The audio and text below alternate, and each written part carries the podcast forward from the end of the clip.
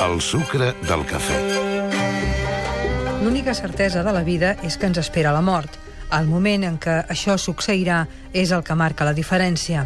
Brittany Maynard, la jove nord-americana de 29 anys amb un càncer cerebral terminal, va elegir el moment.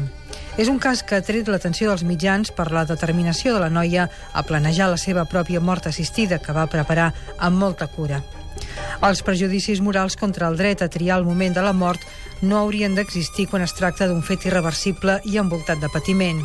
Així ho han entès alguns països que, amb certes diferències i terminologies diferents, reconeixen el dret a una mort digna. L'eutanàsia és possible a Holanda des de l'any 2001, a Bèlgica un any més tard i a Luxemburg des del 2008. A Suïssa l'eutanàsia està prohibida, però es permet el suïcidi assistit, igual com als estats nord-americans d'Oregon, Washington, Montana i Vermont. L'eutanàsia voluntària és legal al territori del nord d'Austràlia i Colòmbia és el primer país on és reconeguda a la seva Constitució com un dret fonamental. A Espanya, l'assistència al suïcidi i l'eutanàsia estan castigats amb penes de presó d'entre 6 mesos i 6 anys.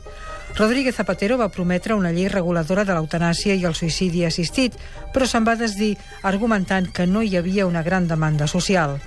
El filòsof Salvador Pàniker, president d'honor de l'Associació pel Dret a Morir Dignament, li va contestar que el poble era prou madur, però no pas els polítics.